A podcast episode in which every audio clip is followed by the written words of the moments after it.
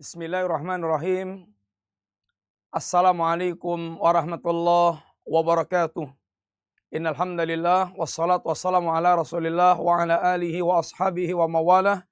Wala haula wala quwata illa billah amma ba'du. Para pemirsa yang rahmati Allah, melanjutkan pembahasan kita dari kitab Tauhid. Kita masuk pada bab yang ketujuh. Bab yang ketujuh adalah bab yang Syekh mulai mengawali rincian amalia-amalia yang berkaitan dengan uh, tauhid dan syirik. Apabila bab yang pertama sampai bab yang keenam, maka Syekh masih menjelaskan berusaha menjelaskan secara global tentang hakikat dan makna tauhid, kedudukannya, kemudian keutamaannya, menimbulkan rasa takut dari perbuatan syirik, kemudian mendakwahkan kalimat tauhid, kemudian tafsir tauhid. Maka mulai bab yang ketujuh ini dan seterusnya Syekh berusaha untuk menjelaskan rincian-rincian tentang amaliyah-amaliyah syirkiyat atau amaliyah-amaliyah tauhid. Dan begitulah yang harusnya kita yang harusnya kita lakukan. Kita tidak hanya mempelajari global, tapi hendaknya kita secara rinci mengetahui apa yang menjadi bagian amalan-amalan syirik dan tauhid. Seandainya Anda hanya sampaikan global kepada masyarakat, tidak akan pernah diingkari. Larangan melakukan perbuatan syirik, perintah bertauhid, tidak akan yang mengingkari. Tapi kalau Anda mulai terangkan yang tafsil, yang detail, yang rinci, maka boleh jadi akan banyak orang mulai mereka bereaksi karena sungguhnya alangkah sangat banyaknya amaliyah-amaliyah yang masuk dalam kategori syirik yang kemudian mereka tidak sadar itu adalah merupakan perbuatan kesyirikan.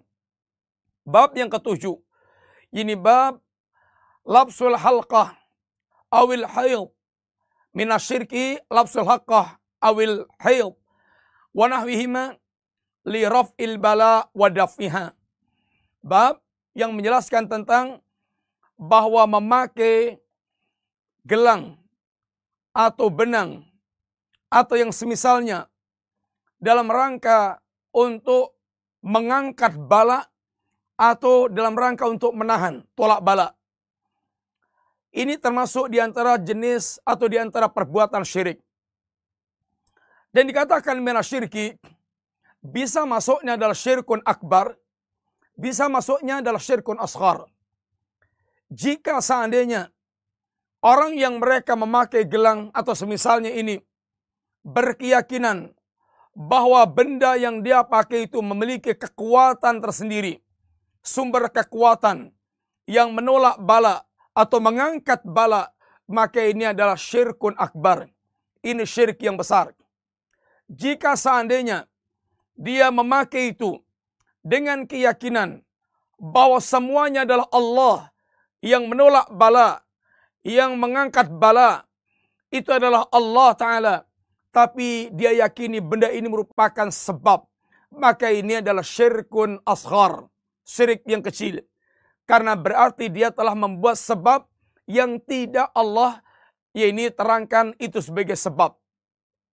Para pemirsa yang rahmati Allah, Syekh membawakan beberapa dalil ayat dan hadis. Yang pertama, Allah katakan, "Qul afara'aitum ma tad'una min dunillah in aradani Allahu bidhurrin Hal hunna kasifatu dhurri? Katakanlah tentang apa yang mereka sembah selain Allah. Qul afarai qul afaraitum ma tad'una min dunillah. Katakanlah tentang apa yang kalian sembah. Bagaimana pendapat kalian tentang apa yang kalian sembah min dunillah selain Allah taala. In aradani Allah bi hal hunna kasifatu dhurri? Apakah seandainya Allah ingin menimpakan mara bahaya? Apa yang mereka sembah, apa yang kalian sembah? Apakah bisa menolak mara bahaya yang ditimpakan Allah Subhanahu wa taala? Para pemirsa yang rahmati Allah, sebagaimana telah kita ketahui bahwa sesungguhnya orang-orang musyrikin yang menyembah Lata, Uzza, Manat dan yang semisalnya mereka tahu bahwa yang mereka sembah la yang wa la yadur.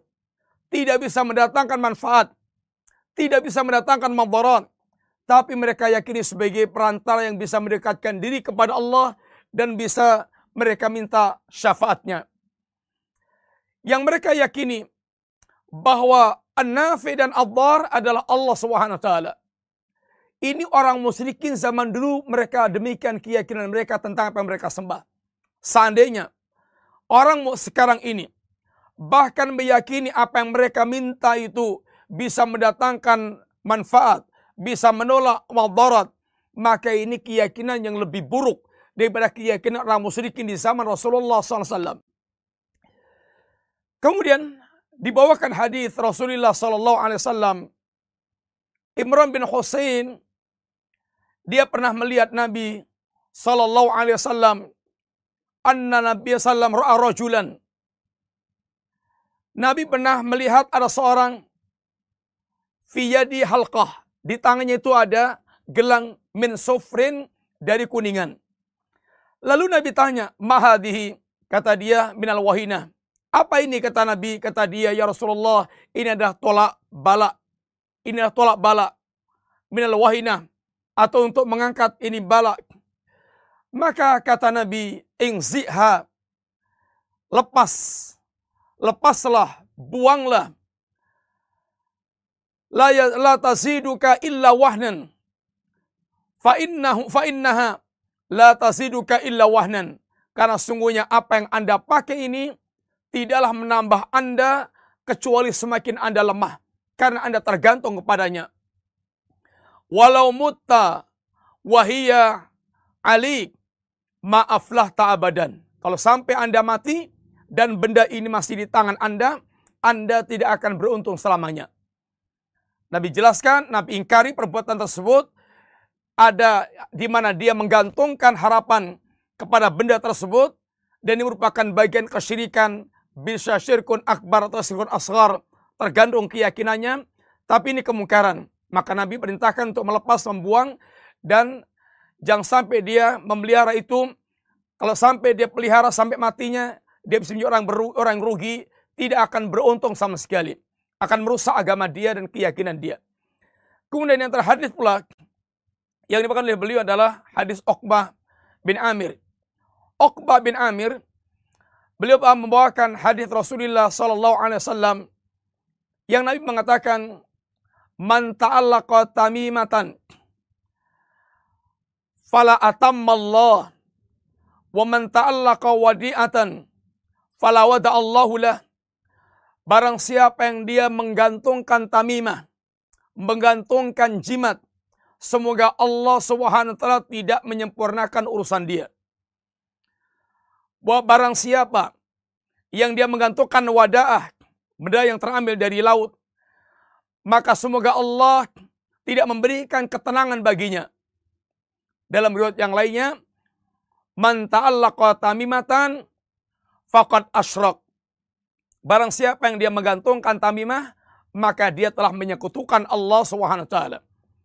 Sehingga tamimah, wadaah yang dia gantungkan dalam rangka mencari ketenangan, dalam rangka untuk menyempurnakan sebuah urusan, untuk tolak bala, atau untuk mengangkat bala, maka ini semuanya merupakan bagian perbuatan syirik yang diingkari Nabi Sallallahu Alaihi Wasallam.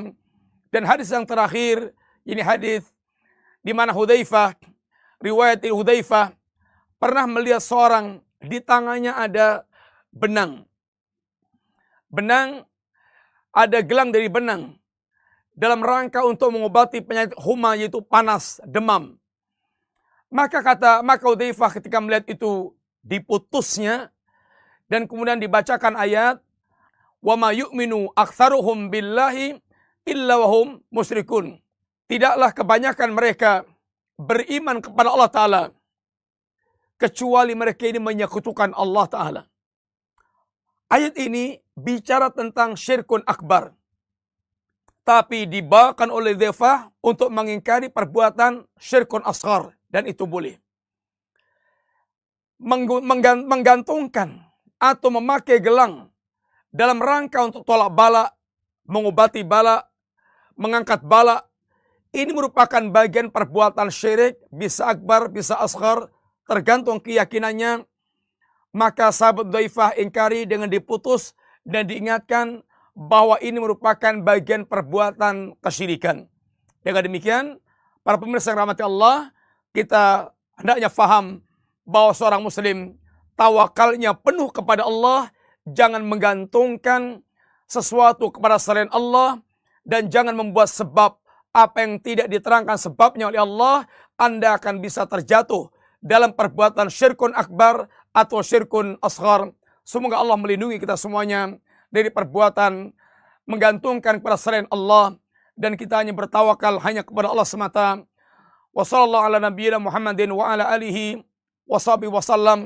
Wassalamualaikum warahmatullahi wabarakatuh.